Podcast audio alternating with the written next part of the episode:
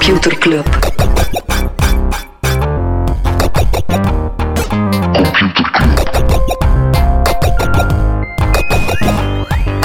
Computer Club. Hey Smolly, Hey Freddy, welkom, welkom terug. welkom. Welkom bij Computer Club, een wekelijkse podcast over technologie. Iedere aflevering selecteren Freddy en ik een eh, interessant artikel en presenteren we een feitje. Heb je het ook gevoeld, Smolly? Wat hè? Ja, we hebben elkaar zo ogen gekeken. Nee, ja, Freddy. Het is zo om de zoveel intro's en we keer één dat we zo, ja, gewoon echt laser, laser eyes op elkaar. Ah. ah. Freddy, waar gaan we het niet over hebben deze week? Eh, wel, eh, vorige week, eh, een navolging van de week daarvoor, waar dat we het over Disney zijn, zijn direct-to-consumer streaming strategie hadden, dan zei Warner, oké, we gaan ook onze cinemafilms op HBO Max zetten. En dan zei Disney, hold my beer truck. Want ja, die hebben op Investor Day ja, zeer grote ambitie uitgesproken. Hè. Denk, Ja, eh, dat is- 35 series in het Marvel en Star Wars. Tien en- nieuwe Star Wars series alleen al. Eh, nog een stuk of twintig inderdaad. Marvel, een heleboel Pixar spin-offs die op Disney Plus komen. interessante, interessante kijk in hun ambities. Ze hadden blijkbaar het target gesteld 60 tot 90 miljoen abonnees tegen 2024. Mm, Ze zitten aan- nu al aan 87. Dus ze hebben een ambitie eh, bijge, eh, bijgesteld. Eh, en het nieuwe target is 230 tot 260 miljoen. Zot. Disney met eh, Big Dick Energy. Mickey Mouse, die daar echt wel gewoon met eh, business swagger... eh, nee, maar gewoon... Ja, Ja, het is- super sterke IP. Ze hebben een jaar lang alleen geteerd op The Mandalorian op Disney Plus. En nu zeggen ze: Oké, we snappen het. Het heeft even langer geduurd. Maar vanaf nu gaan we de big guns bovenhalen en knallen. Maar we zijn even vergeten dat dit het niet hebben over. Hè. Ehm, ja, twee kloefers van thema's. Eh, waarschijnlijk al iedereen gezien. De FTC en de Amerikaanse staten eh, gaan de strijd met Facebook aan. Het gaat dan Mhm. met name over de WhatsApp, Instagram, acquisities. En, Ja. eh, het feit dat, dat, dat Facebook marktverstorend is, daar eh, zijn we het allemaal eens over. Ik vind het een vreemd gekozen dossier, persoonlijk. Waarom? Eh, ze spelen het rond privacy, content moderation, wordt er ook allemaal bijgeknald. Maar ja, leg mij uit hoe dat, dat co- concurrentieproblemen zijn. Hmm. En anderzijds, ja, de, de VS is gewoon niet het makkelijkste land om... Ja, het, bij, hen gaat concurrentie vooral over, is de consument daar de pineut van? En Ja. niet zozeer kan de markt spelen. En dan kom je in de EU, die kondigen vandaag, dinsdag, wanneer dat jullie het horen, gaan jullie weten, gaan ze normaal hun nieuwe eh, digitale wetgeving aankondigen. Oké. Ehm, en interessant daar is dat ze het. ehm, een beetje de kritiek op de VS is: de VS proberen ze nu Facebook aan te pakken. Mhm. Facebook is daar nu kop van jut. Maar wat met TikTok en privacy? Wat met andere bedrijven? Dus ze gaan daar case by case de, het, het aan de stok en dan gaan ze vooral in de rechtbank jaren eh, discussiëren. In de, V- in de EU wordt er wel vanuit principes gedacht. Wordt er gezegd: kijk, we stellen de spelregels op. En dan gaan we later kijken wie daar eh, niet aan. En daar heb je eigenlijk het tweeluik, de Digital Services Act en de Digital Markets Act. Ehm, en heel interessant is dat ze niet zozeer zeggen, breek ze op. Mhm. Hè, want de vraag is, kan dat? Is dat wenselijk? Kan je dat nog doen, inderdaad, als het al, als het al te ver is? Maar gaan ze heel concrete tactieken aanreiken. Bijvoorbeeld Google die search data moet delen met concurrenten. Omdat ze een natuurlijk monopolie hebben. En anders, je kan zeggen, eh, split Google en YouTube, maar gaat dat meer concurrentie creëren op zoekmachines? Nee. Mhm. dus die zeggen heel concreet, deel meer data. Maar ook als je marktplaats bent, bijvoorbeeld Amazon of de App Store, dan moet je bijvoorbeeld, hè, dus voor veel mensen is dat hun broodwinning, dan moet je right of appeal kunnen aanbieden. Mensen moeten kunnen Ja. verhaal halen van, ik ben nu van de App Store, moeten kunnen eh, protest indienen en daar dan ook. Dus ehm, veel interessanter is dat ze vanuit heel concrete problemen vertrekken en daar gewoon een richting voor uitwerken en dan van die richting uit vertrekken. Dus Bo, het is vers van de pers. Maar, ehm, Wat dat wel voor eh, concurrentie op de zoekmarkt zal kunnen zorgen, is dat Google af en toe wereldwijde pan heeft. Dan zit, zit iedereen weer massaal op Bing. Nee, eh, los daarvan, Twitter die moet in Ierland meer dan een half miljoen betalen. als ze het toch over regel- regelgeving hebben, omdat ze zich niet aan de GDPR-regels hebben uh, Een gehouden. half miljoen. Ja, wat dat niet zoveel is voor Twitter. Wat hij zou kunnen doen met een half miljoen, nog niet, nog lang niet, is eh, Mobile Vikings overkopen. Proximus heeft Mobile Vikings, de operator, overgekocht. De mobile, de MVNO, dus de Mobile Virtual Network Operator. Die hebben dus geen eigen netwerk. Die huren op het netwerk van op dit moment Orange, maar waarschijnlijk Maar wat 2022 zeg jij nu voor een half miljoen?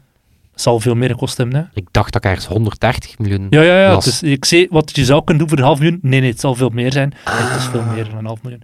Is, was het 300 euro of zo per gebruiker dat je hem neerlegt? Echt fenomenaal veel. Ik vind, een, eh, ik vind het een bizarre keuze, omdat toen dat ik eh, de acquisitie zag door eh, DPG, Mhm. dan ja, leek dat voor mij de verticale strategie, wetende dat DPG ook al met, uh, met Medialaan eh, zit. Dus dat leek mij dat bijna een, een logische extensie van ja, een soort all-in-one telco en entertainment Ja, ja. en media-abonnement. Maar weinig mee gedaan. Dus Behalve dan de beetje op de klanttevredenheid, eh Ja. de dieperik ge, en geramd. Yes. In tegenstelling tot de dik, dieperik in rammen. Eh, The Only Way is Up, de, ja, de IPO's van vorige week. Mhm. Eh, DoorDash, 60 miljard waard. Airbnb eh, hadden sowieso al hun lanceringsprijs al Mhm. serieus naar boven bijgesteld. Hebben dan nog eens maal 2,5 gedaan. Ehm, ja, die zijn nu 86 miljard waard. Mhm. Eh, dat heet dus dan een IPO-pop. Zo de eerste dag mag het knallen, net zoals de champagne. Doet een aantal mensen ook wel... heeft heel veel mensen blijkbaar de echo's naar de dotcom-bubble. Hè, Zo de... En een van hen is eh, Roblox, waar we een paar weken geleden heb je aangekondigd, die gaan ook naar de beurs gaan. Die hebben nu gezegd, we gaan de IPO naar volgend jaar uitstellen. Enerzijds zou je kunnen zeggen, ze denken dat er een bubbel gaat barsten. Anderzijds zou je kunnen zeggen, die mannen zijn slim genoeg en die gaan nu hun prijs nog hoger doen. Dat ze hebben gezien, Airbnb en DoorDash zijn te goedkoop naar de beurs gegaan. Wij zullen het hoger doen en eh, aan een nog hogere IPO-prijs. Ja. naar de Ik, denk ook, ik denk ook dat er zo... ehm, er is ook een... Het is een dunne nuance. Hè, zo, er wordt meer en meer gezegd zo... ehm eh, cijferstocks of, of story stocks. hè, zo Mhm. van, investeer je in de cijfers zoals dat die zijn, of vooral in het, in het potentieel. En dat is een dunne, dunne balans. Maar in die optiek geloof ik Boyd wel in Roblox. Omdat, eh, ja, dat is behalve een, een entertainment- en sociaal Mhm. platform voor kinderen ook een educatieve tool. Snap je? Dat zit gewoon op, dat tikt heel, dat, dat tikt heel veel, weert heel veel hokjes in. Eh, of, of blokjes Ja, kijk hoe naar Minecraft inderdaad onderdeel is geworden van het onderwijs. Hè. Dus legende Minecraft- school, waar dat er letterlijk een Minecraft-logo aan de schoolgevel hangt. Hè. Minecraft, ik denk 1 miljard was dat toen? De 1 miljard, de 3 miljard. Het Dus wat, pas als is ook zo'n deal waarvan de mensen één zeiden, waarom is dit zo hoog? En twee, waarom Microsoft? Ja. Nou, als je dan denkt, ja, Microsoft Als je inderdaad nu in hindsight kijkt, perfect, het past. Ehm, Uber, ik moet eh, mij excuseren eh, bij jou, Smolly. Ja. Eh, wel, enerzijds, eh, ze doen nog meer frivole projecten van de hand. Mhm. Eh, Deze keer gaan ze een eh, Aurora, wat dat blijkbaar hun... eh, nee, nee, de, deze keer gaan ze een vliegende taxi-unit eh, verkopen aan Joby Aviation. Ehm, en eh, je had het vorige week over het feit dat ze dat ook met een self-driving divisie gedaan hebben. Ik zeg Mhm. toen, dat hebben we al lang geleden aangekondigd, terwijl de geruchten hadden wij al aangekondigd, Ah, ja. maar effectief We, we hadden het voorspeld. we hadden het voorspeld en het is ook gebleken. Eh, heel interessant is dat het is slim hoor. Ze zeggen we doen het van de hand. Ehm, maar eigenlijk is Uber ook al, eh, worden ze daarmee 26% eigenaar van dat bedrijf dat ze investeren. Mhm, Dus het is mhm. eigenlijk meer een manier om de core business Een beetje ehm, af te splitsen. eh, ja. Voilà, maar wel nog altijd skin in the game te hebben. Ja. En, die, eh, en daarvan vond ik het interessant, want ehm, de CEO van eh, Uber die reageerde van, het, wordt, het wordt nu gezegd van, doen wij dan geen big bets meer? Maar die zei, ja, mobiliteit en delivery zijn nog altijd wel zeer grote bets hoor. ik vond het wel nog slim om zo te zeggen van, eigenlijk gaan we terug naar de kern, Ja. maar de kern is de moeite. Alright. Freddy, ik heb eh, niet één artikel gelezen, maar eigenlijk een soort reeks. Oh, ik heb nog twee niet, hebben ze Ah, overgekweet. oei. het, is, het is een drukke week. Oké, vertel week. snel. Eh, in de reeks voorspellingen, ehm, Apple zou eh, na Intel te dumpen voor hun chips, zou ze nu ook Qualcomm gaan vervangen met Mhm. eigen modemchips. Makes En sense. ironisch genoeg, na het overkopen van de modemdivisie van Intel. Ja. Dat hebben ze een jaar of twee geleden gedaan. Ja, houd 100% zeker. En dan nog eentje om te af te leren, Pornhub. Ja. Bestaat. Nee, Pornhub, eh, die hadden het... Ah. eh, eh, daar kwam uit dat... ehm, ja, daar kwam uit en daardoor hebben Visa en Mastercard ja, de samenwerking met Mhm. Pornhub stopgezet, wat wel pittig is. Omdat ze ja, blijkbaar niet genoeg doen tegen revenge porn uploaden. Mhm. Ook minder nice kinder- of minderjarige porno. Dat toch wel, na onderzoek van de New York Times, bleek dat ze echt wel te weinig doen. Mhm. Eh, en daardoor inderdaad het protest van Mastercard en Visa. En daar hebben ze nu blijkbaar miljoenen video's eh, verwijderd. Dus ja, positieve zaak. Ja, Positief zaak. ja, positief, maar inderdaad, in de computerclub, Facebookgroep, was er discussie over, over eh, moet ik gaan kijken? Er wordt over gediscussieerd op Facebook, zolang dat... Ja, ja, het was heel interessant. over of dat nu per se goed was of niet, maar... maar, ja, daar gaan kijken. Freddy, ik zei het al, ik heb een reeks gelezen, en dat is een eh, reeks van het Stimuleringsfonds voor de Journalistiek. Een beetje de, nou, ik weet niet of je dat kent, Fonds Pascal de, de Kroos van hier in Vlaanderen. Een fonds die, bezighoudt, die zich bezighoudt met journalistieke beurzen, maar ook met innovatie in de journalistiek. Ze hebben gevraagd aan 15 mensen van, die in het werkveld zitten van de journalistiek, hoe gaat die wereld veranderen volgend jaar. En dat is een heel fascinerende wereld, de media, omdat die enerzijds heel hard elke dag verandert, die, maar anderzijds gaat het ook heel traag, omdat die zodanig in die waan van de dag zitten, hè, in de krant van morgen maken, dat die zo zelden de tijd hebben om even achter, achteruit te stappen en uit te zoomen en te kijken van waar gaan we naartoe en welke nieuwe innovaties hebben we Wat, nodig. wat ik wel merk is, als, ik, Mhm. als wij, als ik zelf met mensen uit de media werk, inderdaad rond, ja, wat moet onze digitale strategie Mhm. zijn en dat soort nieuwe tijdperk, of onze distributiestrategie in de, in de wereld van, in de hertekende wereld Mhm. van vandaag, is, eh, dat zijn wel mensen die met, één, met enorm veel passie voor een, een Ja, ja, werken, eh, en mensen die daar ook wel veel mee bezig zijn. Mhm. Ehm, maar inderdaad, en mensen die- vaak tijd, tekort, tijd tekort komen, omdat ze van de ene redactie vergaan. Ze Ja. zitten dan in een hyperbelangrijke eh, meeting, maar eigenlijk zijn ze met drie andere dingen bezig. Ja, res- respect, respect. Ja, dat is een job waar je heel veel eh, liefde voor moet hebben, want anders krijg je echt... dat is fenomenaal hard werken, maar wat. Er, Ah. zijn, eh, er zijn nog zo jobs die zo zijn. dus de toekomst van media. Ja, en Thomas uiteraard Molders, heel veel van die vat dingen... het voor u samen. Inderdaad, heel veel van die, van die gesprekken die gingen over dingen die niet echt computerclub gerelateerd zijn. Over, over moeten met de normale mens, tussen aanhalingstekens, in discussie gaan. Maar ook een aantal dingen die bij ons passen. En we gaan beginnen met die van eh, Misha Milita, die de dagelijkse podcast van NRC Handelsblad eh, produceert. Zij zegt van, ja, we zitten op het punt, dat, gelukkig, dat we niet meer moeten uitleggen aan iedereen wat aan een podcast is. En eh, er zijn steeds meer en meer podcasts, vooral meer en meer mensen die ermee bezig zijn, amateurs die een podcast beginnen. En Nederland staat wel al een stapje verder daarin. En voor dag en nacht media in Nederland is zo'n heel groot netwerk, die podcast, eh, grote podcast bundles. Ze hebben ook zo'n platform, Vriend van de Show, en dat is een primeur. Eh, wij zijn de eerste Belgische podcast die daarop staan. Een soort donatieplatform zoals Patreon, maar dan specifiek voor podcast. Heel cool. Ehm, maar wat dat zij ze voor het zegt, ze Oké, maar we zijn de eerste die daarop staan. de eerste Belgische. De eerste Belgische die hè? staan. Dus eigenlijk kunnen mensen nu... eh, Als je eigenlijk 2 een beetje- euro beetje- te veel zou hebben, dan eh, mag je die geven aan ons. Daar, eh. nee, ja, wij, we maken veel kosten voor onze Spotify, Spotify, Soundcloud en voor de stickers en voor de truien en zo. Moest je zeggen, Ja. we willen die mannen een hart onder de riem steken en een symbolische euro of zo, dan mag dat natuurlijk. Ja, ik vind het interessant. Ik vind dat een interessante... We hebben het in- inderdaad als experiment. experiment, ex- interessante experiment. Zo, zo van... Ja. Maar daar gaat, dan, ja, ja, daar gaat, maar daar gaan we gaan even doorbomen. Eens, we kunnen misschien straks nog over verder praten. Of in het clubhuis. eh, een discussie over doen, wat dat interessant is of niet. Eh, maar dat zij zegt, ik hoop dat er in 2021 een gids komt om beginnende luisteraars niet alleen aan het luisteren te laten krijgen, maar hen ook de diversiteit in het podcastlandschap te laten tonen. Er zijn zoveel podcasts, maar er zijn weinig zo gidsen die zeggen van hij vond die podcast interessant, misschien moet je die ook gaan doen. Is Zoals dat je een tv-gids hebt, voor podcasts bestaat dat niet. En ik heb bij De Morgen twee jaar lang iedere week een podcast gerecenseerd op het punt dat er heel weinig podcasts waren. Nu is dat punt, nu is er een overvloed. En is er geen enkele krant die die rol op zich neemt van we gaan hier een beetje cureren en de recensies gaan schrijven voor podcast. Ehm, zij zeggen ook, ja, er gaat meer variatie komen. Hey, branded podcast, vooral branded podcasts zijn nu heel vaak heel hetzelfde. We maken een reeks met tien ondernemers we blikken vooruit op de toekomst. We praten over innovatie, bla bla bla. Dat is heel saai. Zij zegt van misschien moet er meer met fictie gaan geëxperimenteerd worden. Een andere ding waar ze op wijst zijn de Wallet Gardens. Ehm NRC Handelsblad heeft een aparte podcast-app gemaakt waar je alleen de podcast van NRC en een paar andere gaat kunnen beluisteren. En er komen zo, ja, een beetje zelfs als in de televisiewereld, hè, gaat ook in de podcast volgend jaar een belangrijke trend zijn van Ja, maar we hebben er denk ik ook al een aantal, een aantal voorbeelden gegeven. Mhm. Amazon is het met Audible, Ja. eh, original podcasting. Spotify Spotify zal ook... eh, termijn, allee, die hebben al een aantal powerhouses opgekocht. Ja. De kans is zeer groot dat die ook gewoon exclusief op Spotify gaan. Mhm. Ja, ik denk dat we het zelf vorige week hadden. Ik vind dat zo de featurization van podcasts. Maar dan vooral voor die grote platformen, hè, waar dat... Dat is een beetje, beetje jammer. NRC doet dat vanuit een liefde voor Mhm. goede dingen maken. Hè, goede fictie of non-fictie omdat zij maken. return on investment willen, hè. die hebben... Ja, dus daar Zoveel jaar lang Het die podcast bij, bij Amazon is dat ze het gewoon doen om het abonnement nog net iets aantrekkelijker Mm, te mm. maken. Dus het is daar, ik vind dat meer, het is Ja, bij Amazon vertrekt het inderdaad niet vanuit het liefde voor eh, het mooie verhaal. Voilà. Dus die- liefde voor het mooie Ja, verhaal. Xander, Xander van Nuffelen, een ander interessante persoon, chef datajournalistiek bij de Volkskrant, die zegt van data is heel hip geworden door corona. Allee, hip is gewoon booming business. Hè. Je kan grafieken, eh, ik kan ze niet meer zien, want het staat overal vol.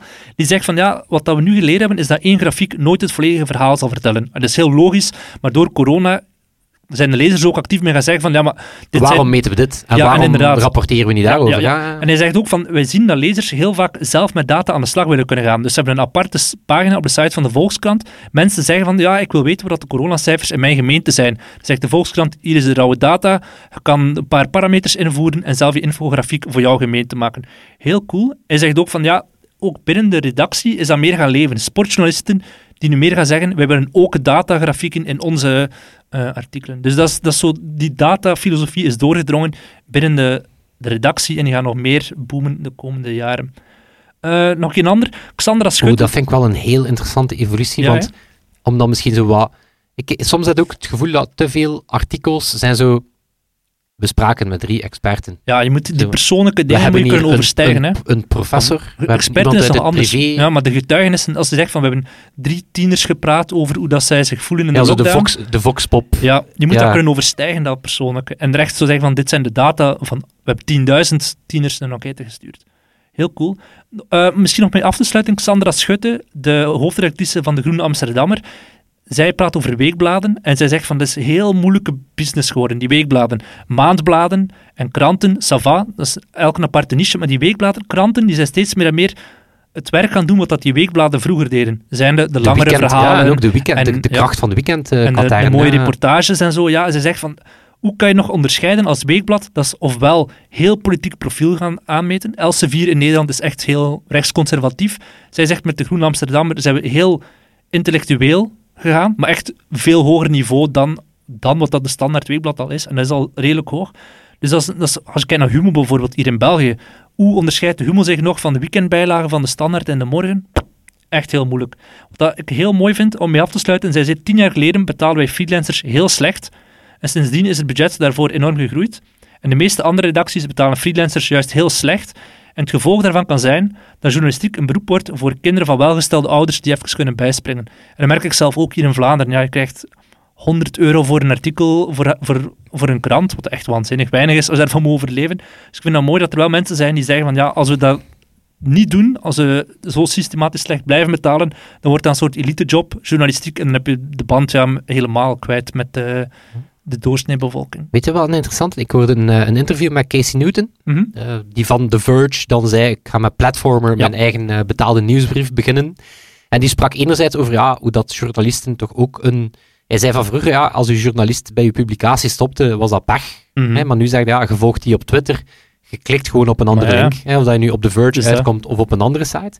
En die zei ook van, eens dat je je audience hebt, is de stap om natuurlijk een eigen nieuwsbrief te gaan. Maar dan kwam er een interessante, ehm, waar ze wat interessant op verder gaan gaan. En dan, dan, dan zei hij, kijk, nu vraag ik zelf één bedrag voor mijn, eh, voor mijn eh, drie extra nieuwsbrieven per week. Mhm. De eerste is gratis, de andere drie eh, moet je voor betalen. Maar dan kwamen ze op het idee, wat als je dan met een aantal van die sterke figuren een soort ja, collectiefje maakt? Ja, Wat als je dan terugbundelt? Hè? Als je Wat de hebben correspondent eigenlijk gedaan heeft. Hè? Rob Voilà. Wijnberg kwam van NRC en Jean Fout kwam van NRC. En dan heb je Ja. misschien voor die weekbladen, het, het ding dat, ik- dat, dat ik wil zeggen, is dat je misschien zegt, misschien zijn die weekbladen dan een manier dat die heel interessante stemmen toch ook af en toe eens verenigd kunnen worden, eh, om daarmee een extra publiek nog te... Mhm. te eh, of een interessante curatie, hè, waar Ja. je zegt van kijk, ik ga nu voor jou eens een aantal van de, eh, de meest interessante stemmen en dan some dat jij nog niet volgt. Mhm. ja, ik vind het interessant. Ik vind het Ja. interessant model. Inderdaad, heel cool. Dus op de Stimuleringsfonds voor Journalistiek vind je 15 van dat soort interviews met mensen die vooruitblikken op volgend jaar. Heel cool.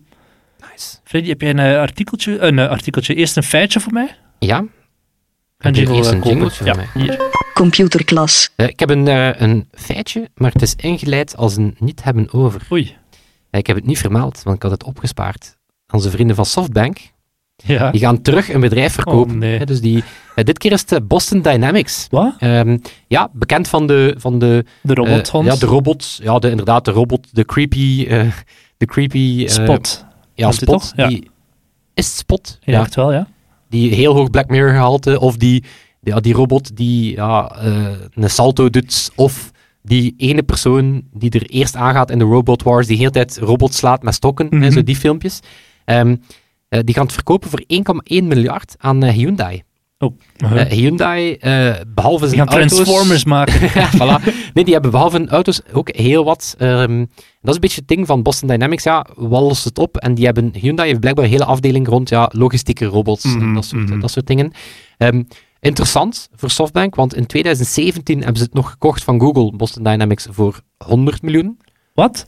Softbank heeft winst gemaakt met iets. Ja, maar dan moet je denken, ja, massa, met uw grote visie, allee, allee ik overdrijf nu, hè, allee, het 900 miljoen gewonnen. Hè, Ja, behalve Mooi de lonen ja, maal, ja, maal ja. 10, maar zo, Allee, ik weet, eh, ik weet, miljard is veel geld, I know, maar then again, als je het bekijkt in, in contrast met, bedoel, het aandeel van Facebook groeit Mhm. op één dag met, met 60 miljard, bij wijze van spreken. Dus alleen Massa het 900 miljoen verdient, cool. Ja. Ehm, maar, het weet je, het weet je, het weet je. Ehm, het was eentje dat ik al lang had. Eh, ik ben eens op zoek gegaan naar de meest idiote robots. Eh, de keukenrobot, de stofzuigerrobot, of eh, wat bedoel je? Ja, gewoon zo de, de robots die het niet gehaald hebben. Zo, zo, ja, de Boston Dynamics robots en zo. Hè, daar kijken we met z'n allen naar Mhm. van, oh my god. En dan was hij zo iets minder, robots die het iets, iets minder goed Pepper. gegaan zijn. Want die heeft wel gehaald. Eén, fuck you, Pepper. Denk dat we onze haat, voor mensen die nog maar net bij de podcast zijn, Pepper is Smolly een en iPad op wieltjes. het iPad op Ja, wieltjes en die kijkt als een, als een fucking creep. Echt waar. Leg mij uit Stel je voor, dat hij is naast wakker wordt en verwelkomt. Pepper staat naast je. Ja, ah, laat- stel je voor dat hij een stem heeft. Maar bon, meest idiote robots. De DARPA, die kennen we, dus Ja. onderzoekscentrum van het eh, Amerikaans leger. Tal van innovaties op een, op een, eh, op een palmares. Eh, eentje dat het niet is, is de, de... Nee, ik zal het anders zeggen. Wat wouden ze oplossen? Mensen en goederen vervoeren in Vietnam, in de jungle. Hmm. Zo. Auto zijn- bestond natuurlijk nog niet. Nee, maar dus, dat is niet makkelijk. Hè. Een jeep, ja, kan ook niet. Nu, wat raakt er wel... Wat kan wel boomstammen transporteren door de jungle? Een tank, een olifant. Een olifant. Oh my god. Inderdaad, ze hebben doorgedacht op de olifant. En ook Hannibal is met zijn leger de berg doorgegaan Ja, ja. met een olifant. Dus ze hebben toen de Mecha Elephant eh, bedacht. Dat was een eh, motorische olifant. Maar ik vind het vooral zalig. ehm, eh, de uiteindelijke eh, de director van DARPA, dus die wist daar niet van. Hè, dus die, die kwam dat uit oren van, wat? Zijn we een robot-olifant aan het maken? En dan heeft hij gewoon het onmiddellijk stopgezet, omdat hij zei, what a damn fool idea, it would destroy DARPA's credibility if Congress ever found out. Zo goed? De robot-olifant mocht het niet zijn. Eh, ook een dat, ja, laat ons, beeld u, doe die ogen toe, beeld u een robot in, die lijkt zo wat op een Dalek uit Doctor Who. Mhm. Zo wat een rondrijdende Ja, vuilnisemmer. Ja, Eh, en je kent hem misschien uit een, uit een meme waarin dat hij face down in een fontein ligt. ja, ja. Ja, die robot, dat is blijkbaar de Nightscope K5. En wat was dat? Dat was een soort security guard op wielen. Eh, behalve het feit dat hij de hele tijd omviel en die reed tegen kinderen. En die is inderdaad viraal gegaan als een soort suicide robot, omdat hij face down in een, In een fontein, in een, in gereden, een fontein lag. wel, die eh, is uiteindelijk toch nog een succes geworden. Eh, hij wordt gebruikt, het is echt, het is niet nice eigenlijk, om eh, zwervers te amputeren. Wat? Ja. Er zo tegen porren Ja, dus die rijdt daar gewoon, net omdat hij zo clumsy is, die rijdt gewoon naar hotspots voor zwervers om daar wat, ja. Eh, En dan eentje die wel wat eh, protest en, en, en ja, waar dat er wel wat te doen was, Sophia. Ken je Sophia nog? Zeg me iets, ja. Wel, je hebt zo'n aantal Ja, ja, weet je dat? Ja. practices dat je niet mag doen, is de uncanny valley. Ja. En dan wordt er gezegd, een robot mag niet te menselijk zijn, want dat is wat creepy. Dat hebben ze dan bij Sophia gedaan. Ze hebben daar een mega menselijke... Dat is een fysieke robot. Ze hebben daar echt een menselijke face op geplakt. maar ze hebben wel het achterhoofd Niet blootgelaten ja. om te tonen wat is een robot. Er was heel veel sensatie rond, maar dat, werd, dat was letterlijk een robot die, die was gedesigned om de Turing-test te omzeilen, maar daar zat niets intelligentie in. En zo'n Madame zei- Tussaud-pop die een beetje tot leven komt. Ja, voilà. En die, die, de, de grote truc was dat hij gewoon naaapte wat je zei. Mhm. Dus als je zei, moeten we de mensheid uitroeien? Dan zei hij, ja, laten we de mensheid uitroeien. En dat vind ik een heel leuk idee. Dus ehm, een beetje bekend voorbeeld van een falen, omdat dat zo, ja, het was Hansen Robotics, maar ja, wat wouden ze er eigenlijk mee bereiken, behalve eh, hype creëren Mhm. voor, een, voor iets dat je toch niet kan, eh, kan deliveren. Eh, ik ben wel in mijn zoektocht naar deze robots, want ik wist ze, de, de, de, ik wist de, de robo-olifant, dat ik al eens tegengekomen, maar ik dacht, ah, wat zijn nog zo van die slechte Mhm. ideeën. Ehm, ik ben wel ook het beste idee ooit tegengekomen. Eh, twee Roombas, en je hangt aan elke Roomba een ballon Oh, en een punaise op de voorkant. Ah, noemt dat nu weer op MTV vroeger? Robot Wars? Nee. Ja, ja, inderdaad. Ja, Ja. Robot War. Maar je hebt er veel, hè, zo die robotvoetbal ding. Of, Mhm. of het, het, een van de moeilijkste, een robot een deur laten openen. Dat is ook zo een robo-kampioenschap. Of een van, aardbei laten plukken, nog moeilijker. Hoe, zacht moet je duwen op een aardbei voor hem net genoeg los te kunnen trekken en hem niet te vermorzelen? Super moeilijk. Nog moeilijker dan een deur open doen. Fuck, ik heb zin om de podcast gewoon hierbij te stoppen. Wat, een, wat een boeiende vraag, Smolly, waarom dat jij hier de, de luisteraar achterlaat. Hoe hard moet je een aardbei... Het is, het is bijna poëzie. Het is bijna poëzie. Maar gelukkig stopt het hier nog niet. Heb jij een artikel gelezen, hè, Freddy? Nog het tweede deel eh, te goed. Ehm, wel, Facebook ligt eh, onder vuur. Onder andere voor die WhatsApp-acquisitie. Mhm. 2014, 19 miljard. Eh, vorige week hadden we ook het nieuws, we hebben het toen niet vermeld. Lieven heeft het gelukkig in, onze, in ons clubhuis ge- gesmeten. Eh, acquisitie van Customer voor 1 miljard. Nu, Customer is, eh, is een ja, softwareplatform. Door Facebook. Ja, dus acquisitie door Facebook. Vooral om bedrijven te helpen ehm, ja, makkelijker customer service te doen via Messenger en, Mhm. en WhatsApp. En dan kwam Bloomberg met een artikel. Ja, wat is nu eigenlijk het plan om geld te verdienen met WhatsApp? Ja, het, heeft eh, 19 miljard gekost. Maar wat is hier eigenlijk plan? En inderdaad, ja, 2 miljard maandelijks actieve gebruikers, maar Geen reclame. geen echte omzet. Wel. Ehm, en dat is een heel interessant verhaal, omdat je moet inderdaad teruggaan naar de acquisitie Mhm. en ehm, hoe dat, dat eigenlijk een, ehm, geen makkelijk huwelijk was. Eh, eigenlijk hadden die beide bedrijven een, een heel ander DNA. Bijvoorbeeld, de, de- het mantra van, van WhatsApp was no ads, no games, no gimmicks. Dus daar had je eh, Brian Acton, Jan Kum, eh, die waren ook geobsedeerd door betrouwbaarheid. Er wordt gezegd dat, eh, dat, dat ze de groei van WhatsApp kunstmatig afgeremd hebben om zeker te zijn dat ze gewoon geen technische groeipijnen hadden. Op dat moment was WhatsApp ook betalend, hè? 1 euro Wel, per jaar en je had zo. inderdaad, de enige ja, manier dat WhatsApp geld verdiende was 1 dollar per jaar. Ja, het was echt heel symbolisch. Het was heel symbolisch. Mhm. Gewoon om het licht aan te houden, zoals dat dan gezegd wordt. Nu, contrasteer die spirit met ja, Facebook, hun onofficiële eh, lijstmotto Move Fast and Brave Things. Mhm. En dan voel je dat het misschien wel een, een raar samengooien was. Ehm, en dan komt er natuurlijk meer en meer de vraag, wat gaan we ermee doen? En dan had Zuckerberg wel gezegd, ja, we gaan geen, eh, ik beloof, we gaan geen ads doen. Ehm, toen hebben de, de oprichters zelf gezegd, wat als we bedrijven laten betalen om berichten te sturen naar onze klanten? Ja. Ehm, waarop dat de Facebook-top toen zei, nee, businesses, dat is niet de moeite. Ehm, en dan, ja, dan eh, de rest is een stukje geschiedenis. Dan kwam Zuckerberg eh, terug op zijn beloftes. Je herinnert u misschien dat schandaal dat ze het eh, gsm-nummer ook Mhm. gelinkt hebben aan je Facebook-profiel. Ja. Zo gezegd om je betere friend suggestions te tonen, maar toch weer een manier dat je advertentieprofiel van de Facebookgroep groter en groter werd. Ehm, dus ads lagen plotseling wel op tafel, maar ze hebben gemerkt, bijvoorbeeld bij Messenger, waar dat je wel ads hebt, dat, dat marcheert niet. Dat is Mhm. een, een, een medium waar dat je, je één, je dat is intrusief om daar advertenties te zien. Je zit daar in een persoonlijke context. En twee, waarom zou een advertentie daar iets bereiken? Je bent niet aan het scrollen, je bent ja, niet aan het ja. zoeken. Het is geen zoekmachine, maar het is ook geen feed. Dus Mhm. eh, het is een beetje een, een, een rare plek. Ehm, en dat is nu blijkbaar wel de strategie waar dat ze op, eh, op gaan double downen, is customer service via WhatsApp. Ja. Ehm, en de rationale, ja, het houdt natuurlijk steken. Ehm, enerzijds diversificatie van portfolio. wat als advertenties meer en meer onder druk komen staan, wat als Mhm. privacy eh, strenger en strenger wordt. Eh, maar een andere manier om er naar te kijken is, nu hebben ze met Facebook en WhatsApp, eh, ze zeggen het zelf, hebben ze eigenlijk de vitrine. Hebben ze eigenlijk zo de storefront. Hè, je, je, je ziet daar advertenties en producten van, Met van Facebook merken. en Instagram. Ja. ja. Eh, had ik WhatsApp gezegd? Ja. dus Facebook en Instagram eh, zijn vitrine. En dan WhatsApp, ja, dat moet de kassa zijn, waar dat je ja, ook overgaat tot het, eh, tot het product. Ehm, eh, tot het product te kopen, maar ook ja, support daar rond. Mhm.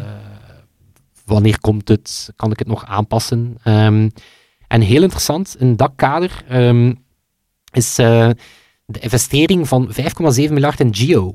En dat was, we hebben het, we hebben het laten passeren. Hè? Allee, of we hebben het vermeld. Dat is een, een zeer groot e-commerce platform in India. India. Ja, ik dacht al. En ja. India, daar zitten 4 miljoen maandelijks actieve WhatsApp-users.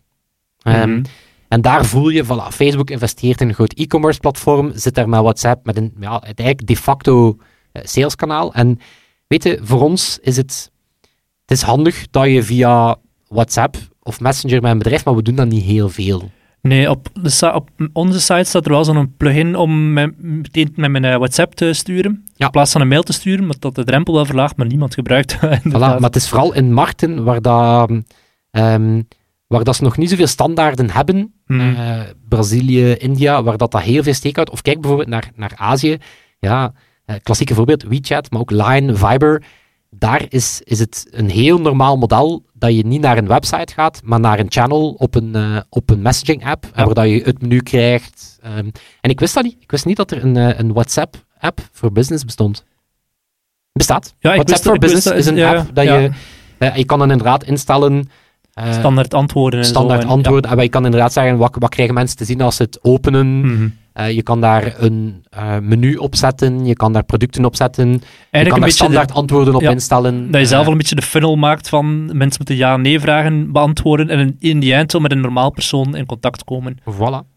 Maar het is, ja, er is wel nog werk aan de winkel, want zoals ik zei, 2 miljard maandelijks actieve gebruikers.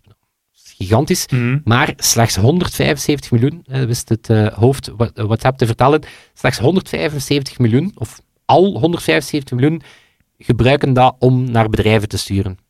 Dus dat is Ja, niet, maar als dat is die niet weinig, als maar die dat is wel nog veel potentieel. Ja, inderdaad. Dan kun je gewoon al die chatboxes en zo die op de website oppoppen, gewoon vervangen door WhatsApp. Hè.